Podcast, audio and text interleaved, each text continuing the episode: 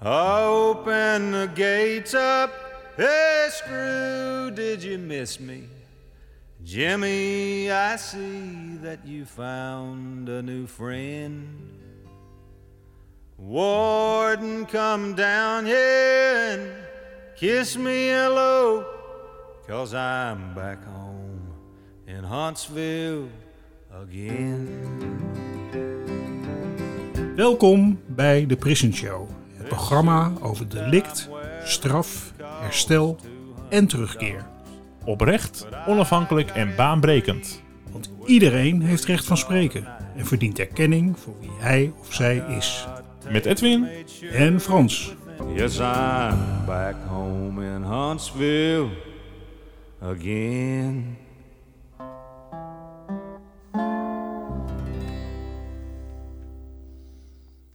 Hartelijk welkom in de Prison Show. Ehm, we zitten weer eh, via Zoom verbonden met twee gasten eh, op de prairie, op de plek waar ik, eh, waar ik woon. En ehm, ja, er gebeurt van alles in het gevangeniswezen op dit moment. Ehm, ja, dingen waar, waar ik in ieder geval mee bezig ben. Vorige week was er een nationale conferentie gevangeniswezen. Daar ben ik bij geweest. Er valt heel veel over te zeggen. En dat gaan we ook nog wel doen, maar nu even niet. Ehm, Image, het, eh, het eh, eh, e-mailsysteem voor gedetineerden, dat, dat is nog uit de lucht. En ik ben vorige week gehoord door de onderzoekscommissie die voor de minister gaat uitzoeken of er veiligheidsproblemen zijn. Nou, die zijn er niet. Maar we hopen dat dat ook door de politiek zal worden overgenomen. Tenminste, dat hoop ik. Ehm, en ehm, ja, we zijn druk bezig met het oprichten van eh, ehm, eh, het, het eh, eh, SANG. En dat is een eh, stichting ehm, eh, steun- en adviespunt voor naasten van gedetineerden. En Dat, eh, eh, de bedoeling is dat dat 1 januari in de lucht komt. Zo, eh, het is best wel een, eh, een, eh, een drukke periode. En vandaag hebben we eh, eh, ga- hele interessante gasten, namelijk eh, eh, George Scholte en eh, Miranda Bonen. Ehm, George studeerde geschiedenis in Utrecht en pastorale theologie in Amsterdam. Hij werkte als rooms-katholiek geestelijk verzorger in verschillende penitentiaire inrichtingen in Nederland. In Mensen in Hokjes, zijn boek, beschrijft George Scholte de verschillende groepen mensen die hij tijdens zijn vele jaren als geestelijk verzorger in penitentiaire inrichtingen voor mannen heeft ontmoet. Aan de hand van hun persoonlijke verhalen gaat hij in op de delicten die ze hebben gepleegd, hun sociale en maatschappelijke achtergrond en de problematiek waarmee zij worstelen. Ook gaat hij in op de spanning tussen verschillende mensbeelden die ten grondslag liggen aan justitie en het gevangeniswezen enerzijds en zijn werk als geestelijke verzorger anderzijds. In de benadering van justitie worden mensen in hokjes geplaatst en kan het menselijke aspect verloren raken. Daarmee worden volgens hem ook de mogelijkheden tot herstel sterk beperkt. Scholte analyseert de verhouding tussen de samenleving, de politiek en de overheid enerzijds en de misdaad, straf en het gevangeniswezen anderzijds. We bespreken zijn boek samen met Miranda Bonen, hoogleraar criminologie en vergelijkende penologie bij het Instituut voor Strafrecht en Criminologie. Miranda was al eerder te gast in de Prison Show, namelijk in aflevering 27 in 2020. George en Miranda, van harte welkom in de Prison Show. Fijn dat jullie er zijn. Dankjewel. Ehm, Ja, dankjewel. ja, laten we even met, eh, met eh, George beginnen. George, ehm, ja, je hebt dit boek geschreven. Eh, het is een lijvig werk, moet ik zeggen. Ehm, waarom en voor wie heb je dit boek geschreven? Ik heb het boek geschreven omdat ik allereerst verhalen van de mensen die ik ontmoet heb in die jaren wilde vertellen. In de rauwheid, de hardheid van hun wereld, hun leven. Eh, en die delicten natuurlijk ook. Maar ook de detentie die daar dan op volgde. Ja. Ik wilde die ervaringen van hun en van mezelf daarin systematiseren, doordenken. En daar proberen wat greep op te krijgen. En tenslotte is het geheel bedoeld dat er een wat open gesprek op gang komt van hoe gaan wij nu als samenleving om met misdaad en straf en detentie. Op dit moment is dat klimaat heel zwart-wit in mijn beleving. En is daar een gesprek mogelijk om dat wat open te trekken. Ja.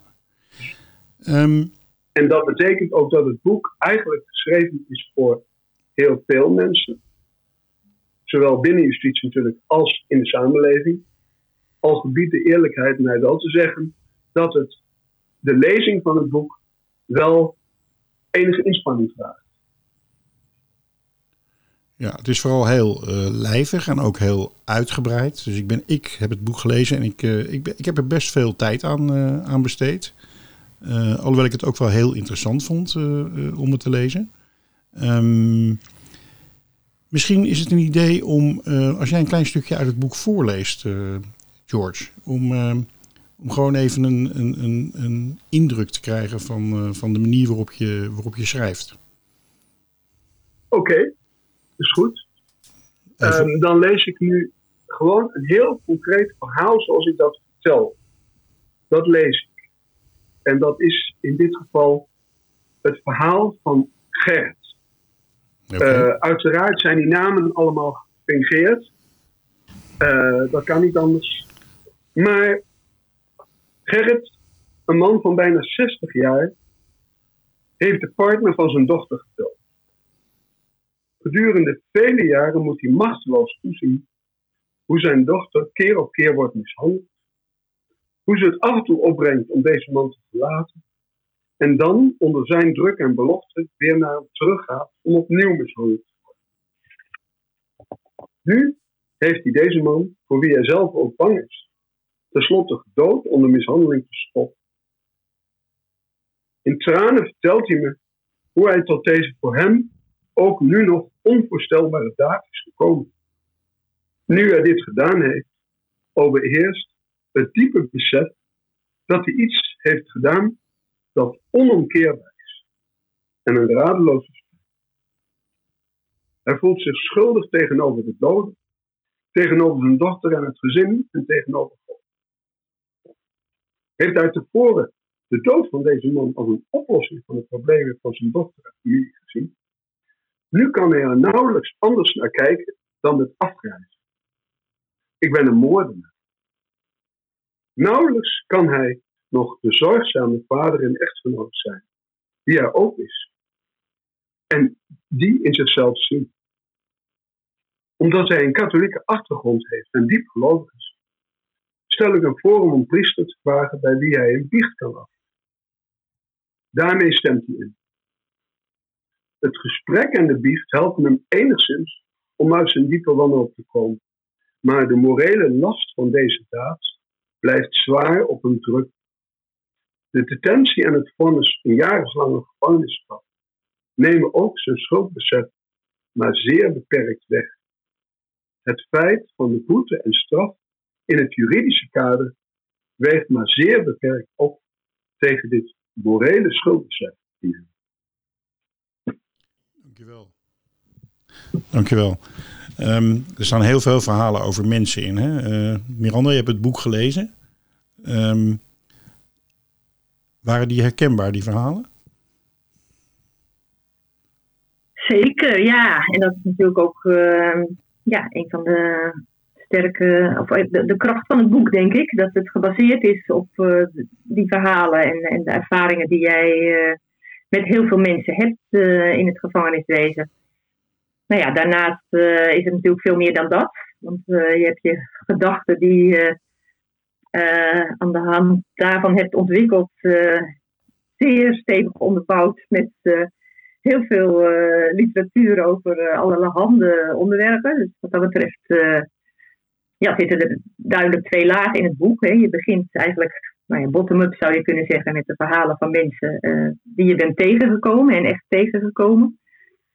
Uh, want je stelt je daarvoor uh, nou ja, heel erg open, denk ik. Dat is ja, wat mij echt ja, fascineert en waar ik het ook verder over zou willen hebben. Hoe je dat doet en hoe je dat toelaat en hoe dat draaglijk blijft voor je. Daar heb ik wel veel bewondering voor. En nou ja, vervolgens heb je een hele exercitie gemaakt door de literatuur om je gedachten over hoe het anders zou moeten verder uit te werken. Dus, ehm, Ja, dat is eh, eh, George. Wil jij daarop reageren? Want eh, er zit ook wel een vraag in. Ja, allereerst dankjewel. Maar ja, hoe doe je dat? Hoe luister je naar verhalen van mensen? Het is vooral van mensen houden. En voortdurend voor ogen houden dat die ander, en dat is eigenlijk ook de boodschap van jouw boek geweest, Frans. Het zijn allemaal mensen. Hè? En daar ben ik op gericht geweest al die jaren. Als pastor heb ik natuurlijk een andere rol dan jij als gevangenisdirecteur hebt gehad. Um, en ook een andere rol dan een bewaarder in de gevangenis. Maar uiteindelijk, je komt allemaal die mensen tegen. Het privilege wat ik als pastor heb, en zo heb ik dat ook ervaren, is allereerst dat ik naar mensen toe mag gaan en kan gaan om hen op te zoeken. En dat de gesprekken die ik met hen had, dat die ook onder een ambtsgeheim vielen. Dat ik niet hoefde te rapporteren. Dus dat daar een ruimte was in dat contact. En dat dat een basis gaf voor die mannen van vertrouwen, waarin ze mij veel hebben toevertrouwd. Dat betekende ook dat ik inderdaad heel veel verhalen van wat een eerste collega dominee van mij treffend uitdrukte met de term existentiële ellende op me afkreeg. En als gelovig mens probeer je dat op twee manieren eigenlijk te dragen. Aan de ene kant in je geloof, in mijn geloof, dat ik dat niet allemaal alleen draag, maar dat er dus toch ook ergens boven iemand is die meedraagt met mij en die ander.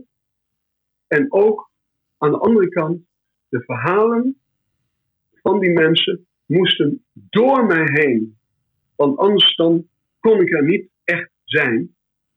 Maar als het ware ook door mij heen weer de grond in.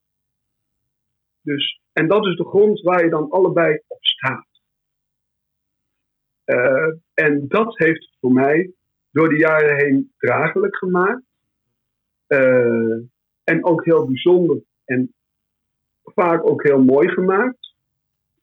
Al gebied ook de eerlijkheid te zeggen dat op het laatst de leeftijdsjaren, want ik ben dus op 66 en iets met pensioen gegaan, de leeftijdsjaren en de justitiejaren beiden begonnen te wegen. Dus dat ik echt wel vermoeid ben gegaan. Dus in die zin was de pensioendatum toch ook uh, ja, op een goede tijd. Ja. ja. Ik vraag het ook omdat eigenlijk denk ik een van de eerste meer weet je, conceptuele, theoretische ideeën die je inbrengt in het boek is dat de reductionistische mensbeeld, zoals dat dan vaak zo dominant is uh, in de gevangenis.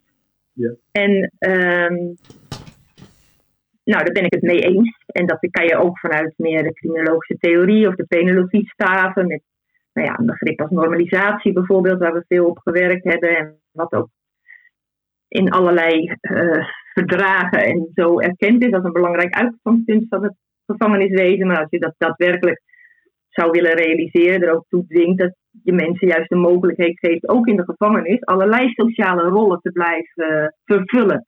Terwijl jij terecht zegt, van eigenlijk ja, worden mensen, gedetineerden, uh, heel erg gereduceerd tot hun rol als gedetineerde of vleger van dat ene specifieke strafbare feit waarvoor ze in de gevangenis uh, terecht komen. En nou ja, daarom vind ik het zo interessant dat jij je dus ver hebt, eventjes gewoon puur op het individuele, ver hebt gehouden van het reductionistische mensbeeld. En tegelijkertijd, en daar kunnen we denk ik heel veel van leren, iedereen die met gedetineerden in aanraking komt. En tegelijkertijd, nou ik weet, ik ben twintig jaar de gevangenis ingegaan met studenten bijvoorbeeld. Um, zo ben ik zelf ook begonnen als student uh, in gesprek gegaan met gedetineerden. En de eerste opdracht die ik mijn studenten dan altijd gaf, van als we eruit komen, dan gaan we met z'n allen beproeving. Maar dan hoor, wil ik van jou horen welke overeenkomsten je had met de gedetineerden met je gesproken had. De verschillen ken ik Oh. wel, maar ik ben benieuwd naar de overeenkomst. En dan merkte ik al, ja, 9 van de 10 keer had ik mensen in tranen. Omdat dat eigenlijk uh, ze al zo choqueerde dat ze gewoon een geanimeerd gesprek over Ajax of hun opa konden houden, zeg maar.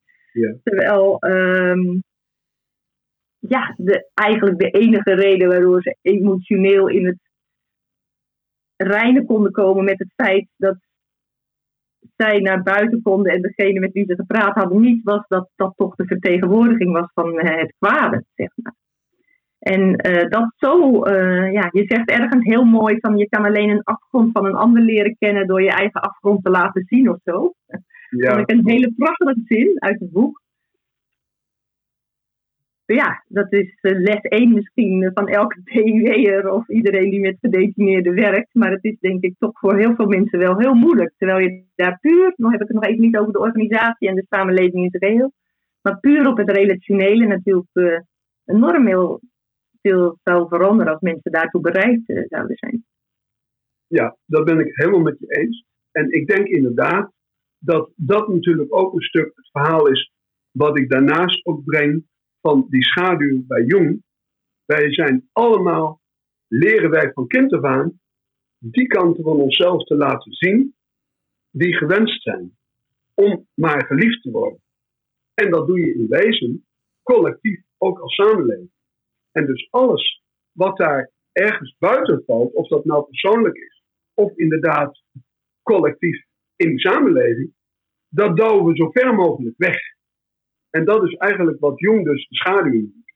En van die zegt van dat kunnen we alleen maar um, voorkomen dat dat ons in greep krijgt. En dat dat heel veel schade oplevert als we bereid zijn om in die schaduw van onszelf en in onze schaduw als samenleving te kijken. En hij zegt ook letterlijk ergens: je overwint het donker niet door naar het licht te kijken. Je overwint het donker door in het donker te kijken. En dat is natuurlijk een parallel met het citaat van, het is een citaat van Boerber, die dus zegt, de afgrond roept om de afgrond. En inderdaad, uh, in de inleiding van mijn boek heb ik ook al aangegeven dat ook ik zelf geconfronteerd ben met kanten in mezelf die absoluut donker zijn. En zonder die confrontatie had ik dit werk nooit op deze manier kunnen doen. Daar ben ik diep van overtuigd. Hm. Mooi. Ja. ja, en wat ik dan mooi vind is dat eigenlijk ook, uh, nou ja, goed, jij hebt het over reductionistisch mensbeeld, ik heb het over normalisatie. Normalisatie zou natuurlijk gewoon een uitgangspunt moeten zijn eigenlijk van het hele gevangenisleven. En dat zou er ook zo moeten zijn ingericht op basis van dat uitgangspunt. Als we dat daadwerkelijk serieus zouden nemen, uh, ja, dat je mensen ook uh, de ruimte geeft in detentie om uh, ja, zoveel mogelijk ehm, zichzelf te kunnen zijn en allerlei aspecten van zichzelf te kunnen zijn. Dus dat betekent uh, ook ouder zijn, ook broer, zus, ook kind, ook uh, werker ook, uh, en daarnaast natuurlijk ook dan gedetineerden. Maar uh, nou ja, goed. als we daaraan werkelijk spalte zouden kunnen geven en mensen die in de met gedetineerden werken ook bereid zouden zijn om mensen echt als compleet mens tegemoet uh, te treden, denk ik nou ja, dat er op dat basisniveau al heel veel veranderd zou zijn. ja, nou dat is het eigenlijk. Sorry, nee, nee ga verder. Okay. Dat is eigenlijk wat mij dus ook getroffen heeft. De periode dat ik het boek schreef, was grotendeels de coronaperiode. En jij zult dan ook gezien hebben dat ik in dat laatste hoofdstuk, na die inleiding, open ik dat met het verhaal van de lockdowns. En eigenlijk heb ik achteraf het idee, die lockdown was eigenlijk één groot samenlevingsexperiment met detentie light allerlei effecten die de lockdown met zich meebracht, van beperking van sociale, fysieke en andere contacten, die maken de gedetineerden in verheven mate mee. En uh, ergens heb ik het idee van die ervaring zou ons als samenleving eigenlijk moeten kunnen helpen nu om eens te kijken van, wij hebben dit meegemaakt en wij hebben daar eigenlijk collectief onder geleden. En inderdaad, hoe kunnen wij in het beleid rond detentie, kunnen wij komen naar juist de beperking van die beperking, naar het terugdringen van die beperking. Hè, waar we zelf toch ook een stuk onder geleden hebben. Ja. Op zichzelf ben ik het daarmee eens, maar kijk, voor mij is steeds eh, het moeilijke, denk ik, in dit soort uh, discussies, dat dat toch een beetje begint met de veronderstelling dat de mensen die in detentie terecht zijn gekomen, dat die nou ja, terecht gedetineerd zijn, zeg maar. En dat je dan, gegeven dat feit, kan proberen die situatie uh, in ieder geval om allerlei redenen te verbeteren. Terwijl, en, en dat raakt denk ik ook aan jouw punt over individuele en collectieve uh, verantwoordelijkheid van mensen, wat ik een heel interessant punt ook vind uit dat boek. Voor mij begint mijn denken met dat het strafrecht zo selectief is, eigenlijk, dat het absoluut niet of totaal faalt als moreel kompas waar het voor staat. Ik bedoel, het strafrecht maakt geen selectie tussen goed en kwaad in de samenleving. Helemaal niet. Uh, het is een collectieve schande dat de samenstelling van de detentiepopulatie is zoals die is. Het is gewoon het afvoerputje van de samenleving. Daar waar de samenleving gezamenlijk natuurlijk tot op zekere hoogte met de mensen die vastzitten gepaald heeft om ja, mensen op een ander moment een vangnet te, te bieden, komen mensen in detentie uh, terecht. Terwijl, ja, dat stel je ook terecht uh, aan allerlei grotere kwaden die met het strafrecht te maken hebben. Dus ja, ik moet zeggen dat mijn aandacht in mijn eigen werk wel steeds meer verschuift naar voorkomen ehm, dat uh, detentie wordt toegepast, dan uh, ja, alleen maar verbeteren van de omstandigheden in de veronderstelling dat ja, mensen terecht vast uh, zitten. Dus, nou ja, goed, dat, dat, dat is een interessant onderscheid dat je maakt in je boek tussen individueel en collectief. Je bent daar best voorzichtig in, vind ik. Je zegt van, nou ja, het is natuurlijk niet zo dat de mensen die dan in detentie terechtkomen of feit hebben gepleegd, daar ook niet zelf uh, verantwoordelijk. Maar het is toch ook ten dele de samenleving. Misschien kan je daar nog iets meer over zeggen. Hoe je die uh, balans ziet tussen de samenleving, uh, de individuele en de collectieve verantwoordelijkheid voor de detentie van mensen. Ehm, allereerst wil ik nog even terugkomen op het feit dat je dus zegt: ja, het gaat inderdaad niet om het terugdringen van die problemen maar daar reageerde ik eigenlijk sloot wat aan op jouw idee van normalisatie. Maar uh, uiteindelijk ben ik het met je eens dat het dus uh, veel meer nog gaat om het herdenken van hoe organiseren wij justitie. Hè? En daar is dat onderscheid individuele en collectieve verantwoordelijkheid in mijn ogen een belangrijk punt in daar gaat natuurlijk al iets aan vooraf. En dat gaat in dat boek daar ook aan vooraf. Dat is namelijk, hoe vrij is onze vrije wil? Die, die beschouwing um, heb ik daar ook een stuk overgenomen. Um, die is hier aan de orde geweest in de podcast, ik geloof in april, met Jurien Hamer. Naar aanleiding van zijn boek, Waarom helden geluk hebben en schurken pech.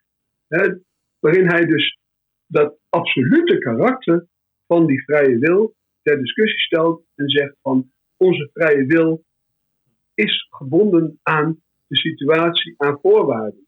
Dus er is wel een verantwoordelijkheid, maar die is niet zo absoluut als wij binnen vanuit justitie wel waar willen hebben. Uh, gisteren kwam ik eigenlijk uh, ineens even heel toevallig een hele mooie uh, vergelijking tegen of zin tegen. Daar schreef iemand: um, verantwoordelijkheid gaat eigenlijk voor een heel belangrijk stuk om aanspreekbaarheid. En um, voor mijzelf in mijn eigen leven speelt die aanspreekbaarheid een hele grote rol. ik ben opgegroeid in het gezin waar ik beschadigd ben uitgekomen. Dat heeft tot op de dag van vandaag effecten die ik meedraag.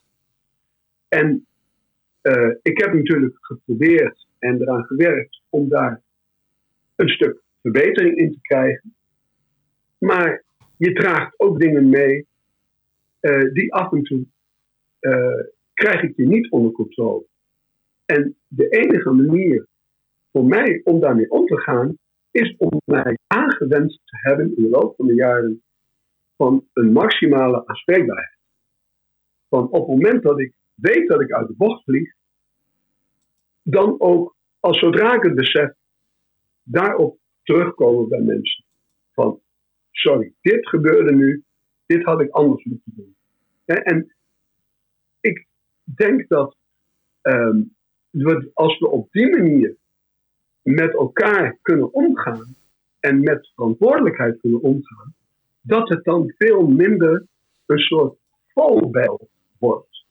Op dit moment functioneert verantwoordelijkheid in mijn uh, ogen, zeker vanuit justitie, als een soort valbijl. Op het moment dat iemand daar uit de bocht is gevlogen, dan uh, is die, zit hij aan de verkeerde kant van de samenleving en zit hij aan de verkeerde kant van de lijn, eventueel in detentie.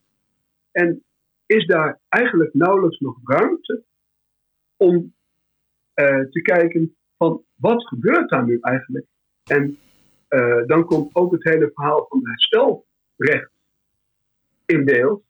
Hoe kunnen we hier met dit uit de bocht vliegen? Want waarvoor mensen in detentie komen, dat zijn natuurlijk vaak zwaarheid, zijn natuurlijk zwaardere zaken. Maar hoe kunnen we hier op een zodanige manier mee omgaan dat zowel een dader als slachtoffer, slachtoffers, dat die daar uiteindelijk wat beter uitkomen. En dan ga je op een hele andere manier kijken naar verantwoordelijkheid.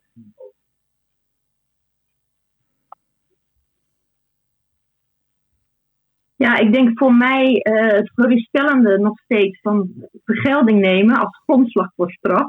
En dus wel uh, individuele verantwoordelijkheid en de, het vrije mensbeeld als, uit, als, als, als, als basis nemen, zeg maar.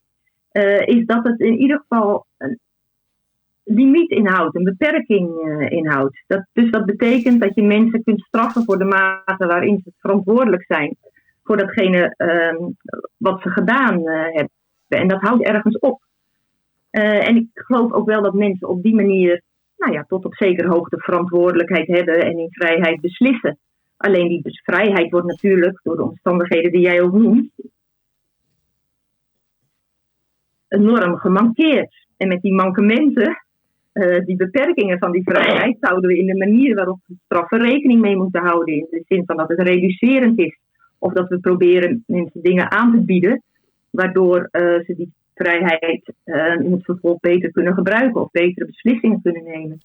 Ik vind het risico van herstel of verbetering als uitgangsnemen echt als grondslag nemen voor straffen, dat het eigenlijk eindeloos is en niet ophoudt. Want wanneer is er voldoende herstel?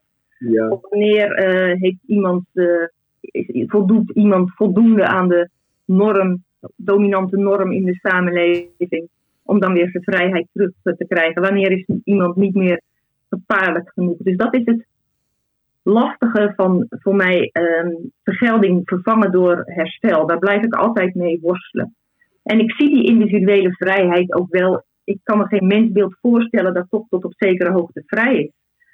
Alleen eh, als je gewoon kijkt naar onze gevangenispopulatie zoals jij die ook beschrijft en verschillende kenmerken daarvan, ja, dat is natuurlijk wel, dat bedoel ik met een collectieve schande. Dus je ziet dat daar overwegende deel grote psychische problematiek heeft, vreselijk beschadigd is door het leven, verslaving heeft, schulden heel veel heeft.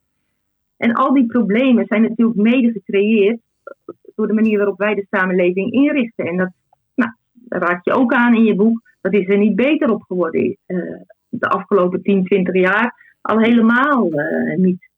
In de zin van Um, gewoon het onderwijs, wat natuurlijk ontzettend uh, belangrijk is. Eigenlijk puur sociaal beleid. Dus ik denk, die collectieve verantwoordelijkheid moet in eerste instantie vertaald worden in sociaal beleid, in een realistisch beeld van wat de mens aan kan als richtsnoer voor overheidsbeleid. Uh, de manier waarop de samenleving nu op allerlei vlakken is georganiseerd, is voor gewoon heel veel mensen ondoenlijk, waardoor ze door alle eerdere vangnetten heen vallen en uiteindelijk in detentie terechtkomen. En dan denk ik, en dat heeft ook te maken met mijn eerste vraag, dat ik je bewonder voor de manier waarop je je daar toch staan hebt gehouden. Als ze eenmaal in detentie zitten, ben ik in de afgelopen twintig jaar tot de conclusie gekomen.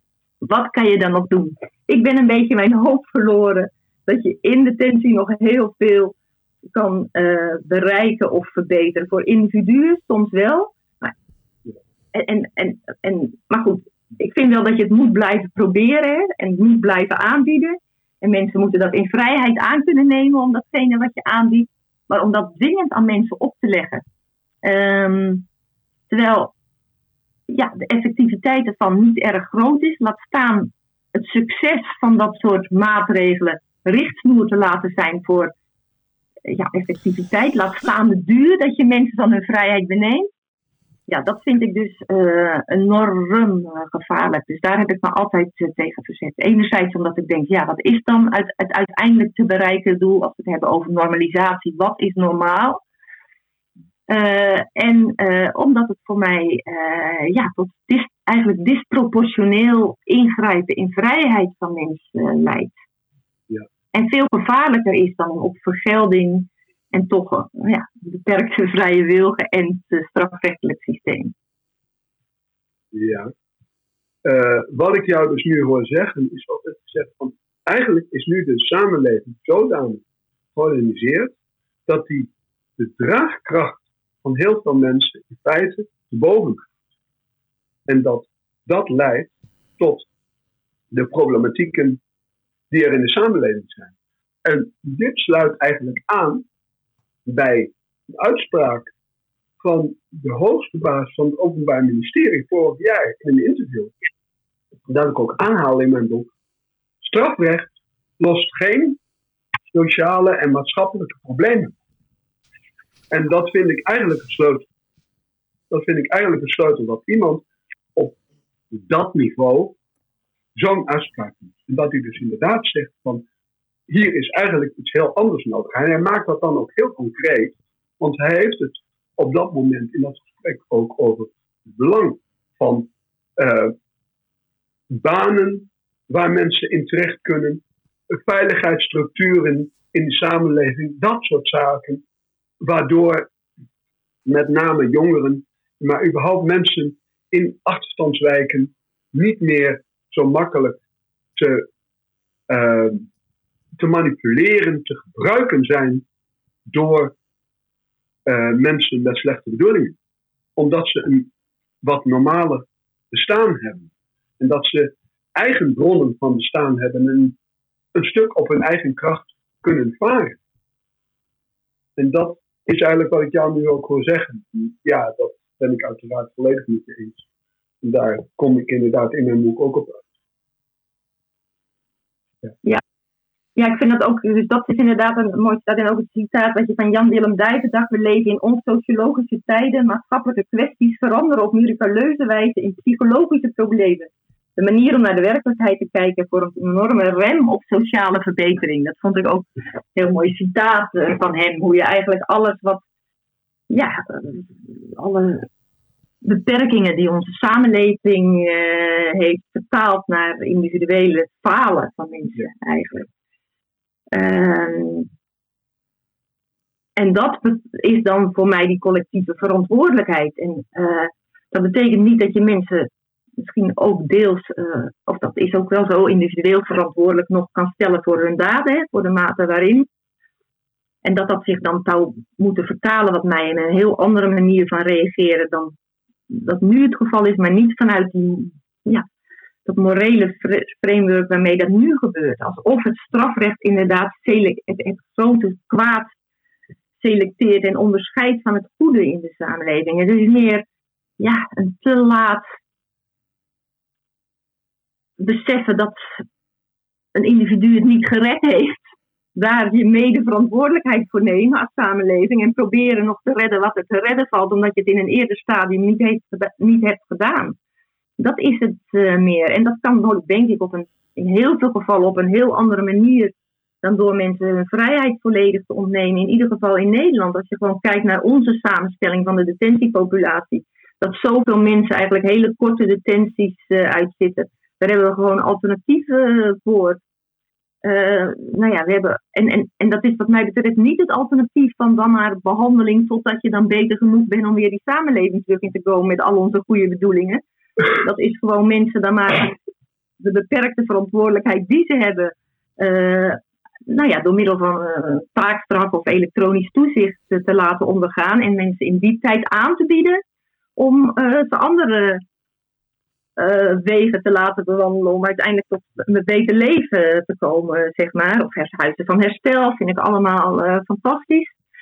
Uh, als het dan niet anders kan, maar primair denk ik dat we moeten inzetten op, nou ja, die, die samenleving weer een richting uitkrijgen waardoor minder mensen uiteindelijk door, door de mand vallen, zeg maar. Of minder mensen uiteindelijk in het strafrecht terechtkomen. Ja, uh, dat is ook uh, dat principe van um, strafrecht eigenlijk als uh, uiterste remedie. Hè, dat is natuurlijk een ja. grondprincipe geweest in strafrecht. En op dit moment is dat eigenlijk min of meer omgedraaid. Hè, het, het, is een tijd geweest van hè, niet vervolgen. Kijk, hoe zat het nu? Um, niet vervolgen tenzij, en nu is het vervolgen tenzij. Ja, daar ben ik het eigenlijk helemaal niet mee eens. Hè. Dat is het zogenaamde concept van het urgente strafrecht. Ja, ja precies. Uh, maar het is ook niet zo, want je ziet dat er enorm veel niet vervolgd uh, worden. Vandaar dat ook het aantal mensen die in artikel 12 strafvorderingprocedure starten, bijvoorbeeld vier of tienvoud, is zo heel veel meer is geworden. Je ziet dat er heel veel niet vervolgd wordt. Alleen wij zetten in nog klein grut op de een of andere manier. Ja op uh, mensen waar de samenleving, de burgers het meest last van hebben, op, op, op vormen van strafbaar gedrag, ja, waar politici mee kunnen scoren als ze hard roepen dat ze dat uh, aanpassen. Terwijl er hele ernstige vormen van on, echte ondermijning van de samenleving eigenlijk uh, ja, niet door middel van het strafrecht vervolgd worden of in veel mindere mate klagen ook Openbaar Ministerie en de politie zelf in hun eigen jaarrapporten bijvoorbeeld. Dus, Aan welke dingen uh, denk je dan? Sorry, sorry? Aan welk soort dingen denk je dan? Nou ja, dingen als, als, als georganiseerde misdaad of georganiseerde drugscriminaliteit of cybercrime. Of, dat zijn natuurlijk vormen van criminaliteit of inderdaad grote vormen van financiële criminaliteit. Die vaak meer via het bestuursrecht uh, worden aangepakt. Daar is het strafrecht helemaal ongeschikt voor eigenlijk als middel. Ja, misschien dat ik het in de vorige podcast ook genoemd heb, maar nou eigenlijk wat Schuit schreef in 73 of zo, geloof ik. Het, water zoekt, het strafrecht is net als water, het zoekt altijd het laagste punt. Omdat het eigenlijk voor meer ernstige, ondermijnende vormen van criminaliteit volstrekt ongeschikt is als uh, systeem. Um, dus ik, weet niet meer hoe, hoe dat. Maar goed, dus ik, ik, ik denk niet dat het, dat het nu sprake is van een verschuiving van ultiem naar urgent strafrecht. Er wordt nog steeds heel veel niet vervolgd. En datgene wat vervolgd wordt, ja, dat is voor mij niet uh, het grootste uh, kwaad. Nee, nee. En, en uh, de mensen die wel in die gevangenis ja. terechtkomen, zijn gewoon heel veel alternatieven beschikbaar, denk ik. Hè? Ook bij ja. dat onze verloopte hechtingspopulatie overwegend mensen zijn met een uh, immigranten of mensen met een niet-Nederlandse achtergrond duidt ook weer op die selectiviteit. Ja, ja waarvoor we um, andere vormen van bestraffing hebben die, ja, waar we nog veel systematischer zouden moeten kijken hoe we daar meer gebruik van zouden kunnen maken. Ja. ja, en dan gaat het dus ook in wezen over wat er in de loop van de jaren nu allemaal strafbaar is gesteld. Want ik bedoel, wat vroeger een caféruzie heet, heet nu uh, mishandeling en geweld en wordt vervolgd. Hè. Dus daar zijn ook enorme verschuivingen opgetreden in wat er nu vervolgd wordt en wat er vroeger niet vervolgd werd of wel vervolgd werd. Hè, dus- dus ook daarin speelt de ontwikkeling in de tijd een rol. Ja. Ja, ik vind het ook nog mooi dat je raakt in je boek eigenlijk aan dat nou, stigma en label. En Ja. ehm, nou ja, eigenlijk niet positieve, maar juist nare aspect van een strafrechtelijke aanpak. Die mensen, waarvoor het mensen nog veel moeilijker gemaakt wordt om op een gegeven moment weer een eh Ja, de eerlijk gezegd. ja, eerlijk gezegd heb ik het idee dat als je eenmaal in het systeem zit, dat je gewoon zodanig gestempeld bent dat je er eigenlijk bijna niet meer uitkomt. Dat het gewoon een geaccepteerde praktijk is dat iemand die in detentie heeft gezeten niet meer een normale verzekering kan afsluiten. Eh, allerlei dingen niet meer vanzelfsprekend zijn. Wanneer eindigt een straf? Dat alleen maar. En, dat organiseren wij zo als samenleving. Net als de VOG, de manier waarop die wordt toegepast. Dat sluit mensen zo lang uit. En ik snap heel goed dat je een VOG, als je die. Je kunt niet iemand eh, die fraude heeft gepleegd. Weer een boekhoudfunctie laten vervullen direct binnen een jaar. Dat snap ik nog enigszins. Maar ik heb ook mensen gezien die dus op basis van een VOG gewoon een verzorgende opleiding niet meer konden voortzetten. En dan heb ik iets van, wat, wat moeten mensen nog doen om hun leven weer verder te mogen voeren als ze eenmaal in dit web zitten?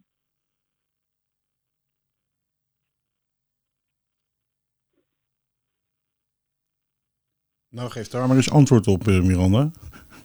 Wat moeten mensen nog doen? Wat moeten mensen. Nou ja, goed, dat is natuurlijk een van de. Kijk, daarom zeg ik, ik heb mijn hoop een beetje opgegeven dat je in de detentie, in ieder geval zoals die op dit moment georganiseerd is, eh, heel veel positiefs kan doen. Dus ik ben al blij dat we het op zo'n manier kunnen organiseren dat we in ieder geval zo weinig mogelijk schade kunnen doen eh, zullen doen. En ehm, nou ja, met name dus dat, dat label, dat stigma, eh, uitmondend in geen verklaring omtrent gedrag eh, kunnen krijgen, niet opnieuw aan het werk kunnen. Dat is natuurlijk een typisch aspect wat het alleen maar erger maakt. En ja, waar ik moet zeggen, waar ik, als ik gedetineerde, ex-gedetineerden spreek, dat ze dat eigenlijk veel erger vinden vaak ook. Ik weet niet of dat jouw ervaring ook is, maar dat ze vaak tegen mij nog wel zeggen van, nou ja, goed, de straf die ik gekregen heb, die heb ik verdiend en die zit ik uit, hè, manmoedig. Ehm, maar waarom wordt het me nog jarenlang eh, nagedragen en krijg ik eigenlijk geen mogelijkheid om meer een nieuwe start te maken? De straf na de straf.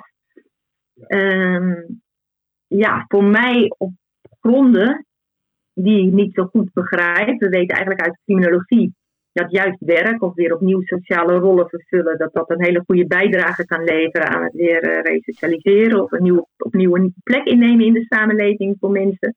En met eh, het weigeren om mensen toch systematisch of categorisch eh, een verklaring omtrent gedrag te geven, om het eigenlijk moeilijker te maken voor mensen om weer zo'n functie te vervullen, ja, gaan we dat eigenlijk tegen, zonder dat ik nou het idee heb dat we, dat wordt dan wel gezegd, hè, dat dat dan juist vanuit veiligheidsoogpunt die VOG verweigerd wordt, maar ik heb het gevoel dat het er alleen maar, eh, of we weten eigenlijk wat we weten vanuit de literatuur en de criminologie, eh, zou het de situatie er alleen maar gevaarlijker op maken. Dus ik vind het ook geen logische of rationele manier om eh, daarmee om te gaan. En ik weet dat ik een keer, nog niet zo lang geleden, in zo'n, hoe heet het nou, reïntegratiecentrum in een inrichting was. En eh, nou ja, daar worden mensen dan al een beetje aan het eind van hun detentie voorbereid op de terugkeer. En daar hingen dan ook wat advertenties over van banen waar mensen dan eventueel op zouden kunnen reageren. En het zag gewoon zo ontzettend triest uit eigenlijk. Want ja, eh, zwart werk mag natuurlijk niet geadverteerd worden in de gevangenis. Tegelijkertijd ja, konden daar eigenlijk geen banen opgehangen worden eh, waarvoor je dan wel een VOC nodig hebt. En dat zijn er gewoon heel veel geworden.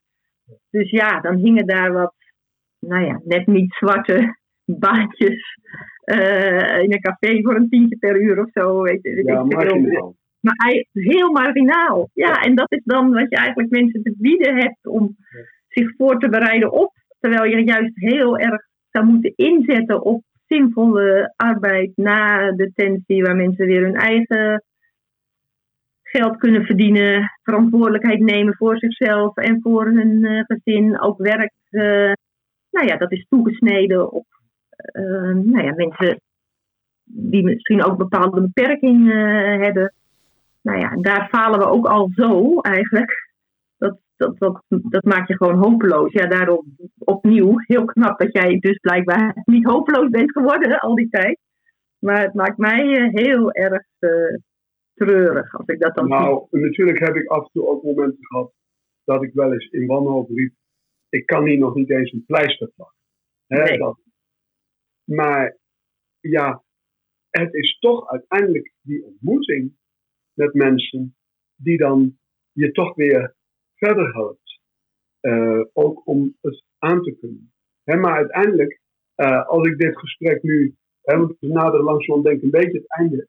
Eh, als ik dit gesprek nu in het geheel wat door me heen laat gaan, dan komt dus ook de vraag op van waarom doen we als samenleving nu tegen alle logica inderdaad in, zoals jij ook helder maakt vanuit criminologische inzichten, waarom doen wij als samenleving tegen alle logica in zulke dingen en is daar eigenlijk nauwelijks een open gesprek over mogelijk? Want eh, de jaren dat ik bij justitie heb gewerkt, heb ik toch ook een voor een deel ervaren als jaren van een zekere zelfcensuur. Er is zo'n benauwdheid voor kritiek op de manier van werken, op het functioneren van justitie en het gevangeniswezen, eh, dat open gesprekken daarover heel moeizaam zijn. Binnen de gevangenis en binnen justitie, naar mijn idee. En ja, wat weerhoudt ons eigenlijk? Is dat het politieke sporen? Eh, is dat het, het doorgeschoten veiligheidsdenken wat we in deze samenleving, waar we met z'n allen mee zitten? Eh, ja, ik weet het niet. Het, het, maar ik vind dat dus heel problematisch. Ja, Ehm, sorry. Ja, daar zijn denk ik verschillende kl- verklaringen die daarvoor geven. Ik, ik ben zelf altijd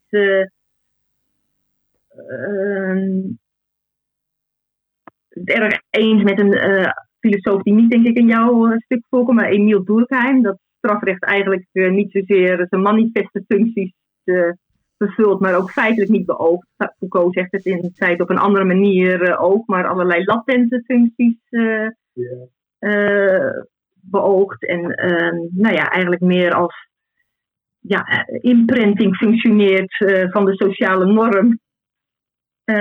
Om maar te voorkomen dat, om, door- om nou ja, andere mensen ervan te weerhouden om die norm ook te overschrijden, zeg maar. Dus ik denk niet dat we het strafrecht moeten begrijpen of afrekenen misschien op zijn manifeste eh, functies, maar veel meer moeten kijken van wat is er nou ehm, onderliggend. Hè, penality, eh Carlens, die jij ook eh, in je boek, die heeft daar natuurlijk ook heel erg vanuit de sociologische functies van de straf naar het strafrecht gekeken. Nou, Foucault natuurlijk ook. Ehm, dus het is inderdaad niet logisch als je kijkt vanuit die eh, dominante of eh, ex- expliciete functies, maar misschien wel meer logisch als je kijkt vanuit de meer latente functies van het strafrecht. Eh, dat wilde ik daarover zeggen. Ehm, en ik denk ook, ehm, dat is wel dan weer in meer hedendaagse sociologische beschouwingen, dat, waarin je zi- ziet dat het strafrecht natuurlijk en veiligheid, veiligheid in zijn algemeenheid, maar ook ehm, veiligheid van criminaliteit natuurlijk een heel andere rol is gaan spelen in het publieke debat van de afgelopen twintig jaar, hier minder dan dat dat voorheen was. Ja, omdat dat ook misschien nog ehm, een van de weinigste onderwerpen is waar lokale, nationale politici ehm, zichzelf op kunnen laten gelden, zeg maar. Heel veel onderwerpen zijn natuurlijk ook eh, internationaal, universeel eh, geworden, terwijl veiligheid in het land, de stad, de mensen, eh, dat is nog iets, ja, uiteindelijk ook waar politici zich mee kunnen profileren en waar het ook moeilijk is om tegen te zijn. Natuurlijk, wij zijn ook niet voor slachtoffers van criminaliteit. Ehm, helemaal niet. Ehm, je, je wilt straf, slachtoffers voorkomen. Dat, in zoverre ben je het eens met dat soort doelstellingen. Alleen ja, daarbij wordt dan steeds het strafrecht als middel van stal gehaald. Als dat, dat, die veiligheid zou kunnen bewerkstelligen. Terwijl dat uh, nou ja, maar in hele beperkte mate natuurlijk het geval is. En niet door de manier waarop het nu wordt ingezet. Dus dat zijn een beetje zo hè, vanuit de filosofie, rechtsfilosofie. Zou je kunnen zeggen dat... Uh, en vanuit meer hedendaagse sociologie ja, soort verklaringen voor de rol die het strafrecht in de samenleving heeft. Ik denk dat je het meer op die manier moet proberen te begrijpen. niet dat het dan niet te bekritiseren Denken jullie dat, uh, dat het strafrecht eerder de veiligheid uh, vermindert? Of uh, denken jullie dat het strafrecht nog steeds de veiligheid bevordert in de samenleving? Ja, als het mag, zoals het nu functioneert, heb ik het idee dat het veiligheid vermindert.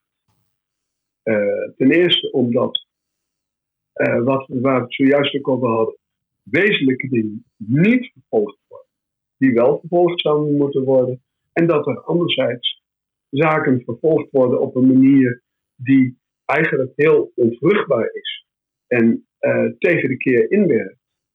Um, en het punt wat Miranda noemt van het feit dat politici zich nog kunnen profileren op zoiets als veiligheid, terwijl heel veel andere thema's bovennationaal geworden zijn, dat speelt een rol. Maar dat speelt natuurlijk ook een rol in de beleving van de gewone mensen. want uh, of je het nou hebt over de bankencrisis, de PFOS-affaire hier in België, uh, allerlei grote zaken daar spelen. Hè, uh, in uh, Zuidoost-Groningen de gevolgen van de gaswinning en, en de toeslagenaffaire. Dat zijn zaken waar dus manifest onrecht plaatsvindt en gebeurt. En voor een deel zelfs veroorzaakt door de overheid. Waar uh, burgers op geen enkele manier aan hun recht kunnen komen. En dat alleen al veroorzaakt in mijn ogen een enorm diep gevoel van onveiligheid.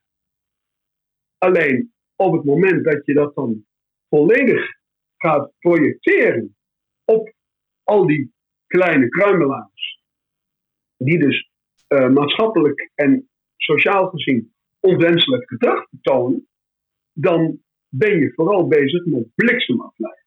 Maar niet met uh, een bestuur en rechtspraak in het algemeen belang van de samenleving. Wil jij daar nog iets uh, op reageren, Miranda? nou, dit is al heel mooi, uh, denk ik. Maar voor mij is niet veiligheid het stip of de horizon, denk ik. Of, of, of, of, of zou richtsnoer moeten zijn. Dat is, het is welzijn minimum wel, welzijn voor iedereen. Dat, dat, dat is, klinkt dan, maar de feel of ignorance in feite. Uh, roles, wat is het? Als je een sluier van onwetendheid om had, wat zou het minimum zijn wat je ieder mens, wat je vindt dat ieder mens zou moeten hebben? En ik denk dat we daar uh, ja, al niet aan voldoen. Dus welzijn zou de focus uh, moeten zijn. Nou, en dan kun je kijken um, wat er aan, aan, aan uh, criminaliteit overgaat en kan je daar overblijft. En kan je daar op heel veel meer zinvolle manieren mee omgaan dan wat je nu doet. En uiteindelijk ook daarmee veiligheid uh, bevorderen. En ja, blijft het ook nog zo dat er allerlei uh, wel hele grote deconstructieve gevaarlijke tendensen in de samenleving zijn waar we die we niet aanpakken via het strafrecht, wat misschien ook niet zou moeten, hè, of klimaat, ik noem maar een groot uh, punt. Ehm, want ik weet ook niet of het strafrecht daarvoor eh, geschikt eh, is. Maar ja, als het dan gaat over veiligheid, moeten we denk ik meer onze pijlen op die fenomenen eh, richten. En kijken wat daarvoor de meest effectieve manier van omgaan zou zijn vanuit het recht. En nogmaals, ik weet niet of dat het strafrecht is. Maar de problematiek zoals die nu zich afspiegelt in onze gevangenissen, die moet niet zozeer worden opgelost met een beleid gericht op veiligheid, wat mij betreft, maar met een beleid gericht op welzijn. Nee, dat, dat hebben we natuurlijk al eerder in dit uur vastgesteld. Maar het feit dat dus we zitten met uh, zulke grote thema's, waar die wel degelijk maatschappelijk bij veel mensen gevoelens van onveiligheid oproepen, dat is een punt. En het feit dat die dan vervolgens politiek geëxploiteerd worden in de richting van wat dan de kleine criminaliteit genoemd kan worden, daar zit wel een probleem. Maar ik ben volledig met je eens dat dus inderdaad uh, het streven naar het welzijn, dat dat de basis zou moeten zijn van een andere richting, een ander beleid. Ja. Het lijkt mij een, uh, een hele mooie laatste twee bijdragen van jullie in, uh, in, in deze discussie over veiligheid versus welzijn. Um, een gesprek waar ik nauwelijks in geïnterfereerd heb, omdat ik zelf heel erg geboeid heb zitten luisteren. Omdat jullie volgens mij heel erg over en weer uh, in gesprek waren op een, ik op, een evenwichtige, op een evenwichtige manier in gesprek waren. Hè. Dus uh, ik, heb ik heb heel geboeid geluisterd naar dit gesprek, naar aanleiding van het boek Mensen in Hokjes. Kritische beschouwingen van een gevangenispastoor. Uh, in de show notes staat ook waar, uh, waar je het kunt, uh, kunt bestellen. Um, ja, ik wil jullie eigenlijk ontzettend bedanken voor dit gesprek. Ja, dankjewel. Graag gedaan. Dankjewel, Doors, voor je mooie inzichten. Ja. Miranda, jij ook veel dank om het boek te lezen en er op deze manier over mee te denken. Want je geeft mij toch ook weer dingen te denken vanuit jouw ervaringen die ik natuurlijk niet ken. Dus ja, dankjewel. Heel graag gedaan, ja. Heel erg bedankt jullie allebei. Ik denk dat het een, een, een, een podcast is geworden waar, waar velen uh, ja, uh, over kunnen doordenken. En door ja, wat echt aan het denken zet, denk ik. Heel erg hartelijk bedankt. En tot ziens.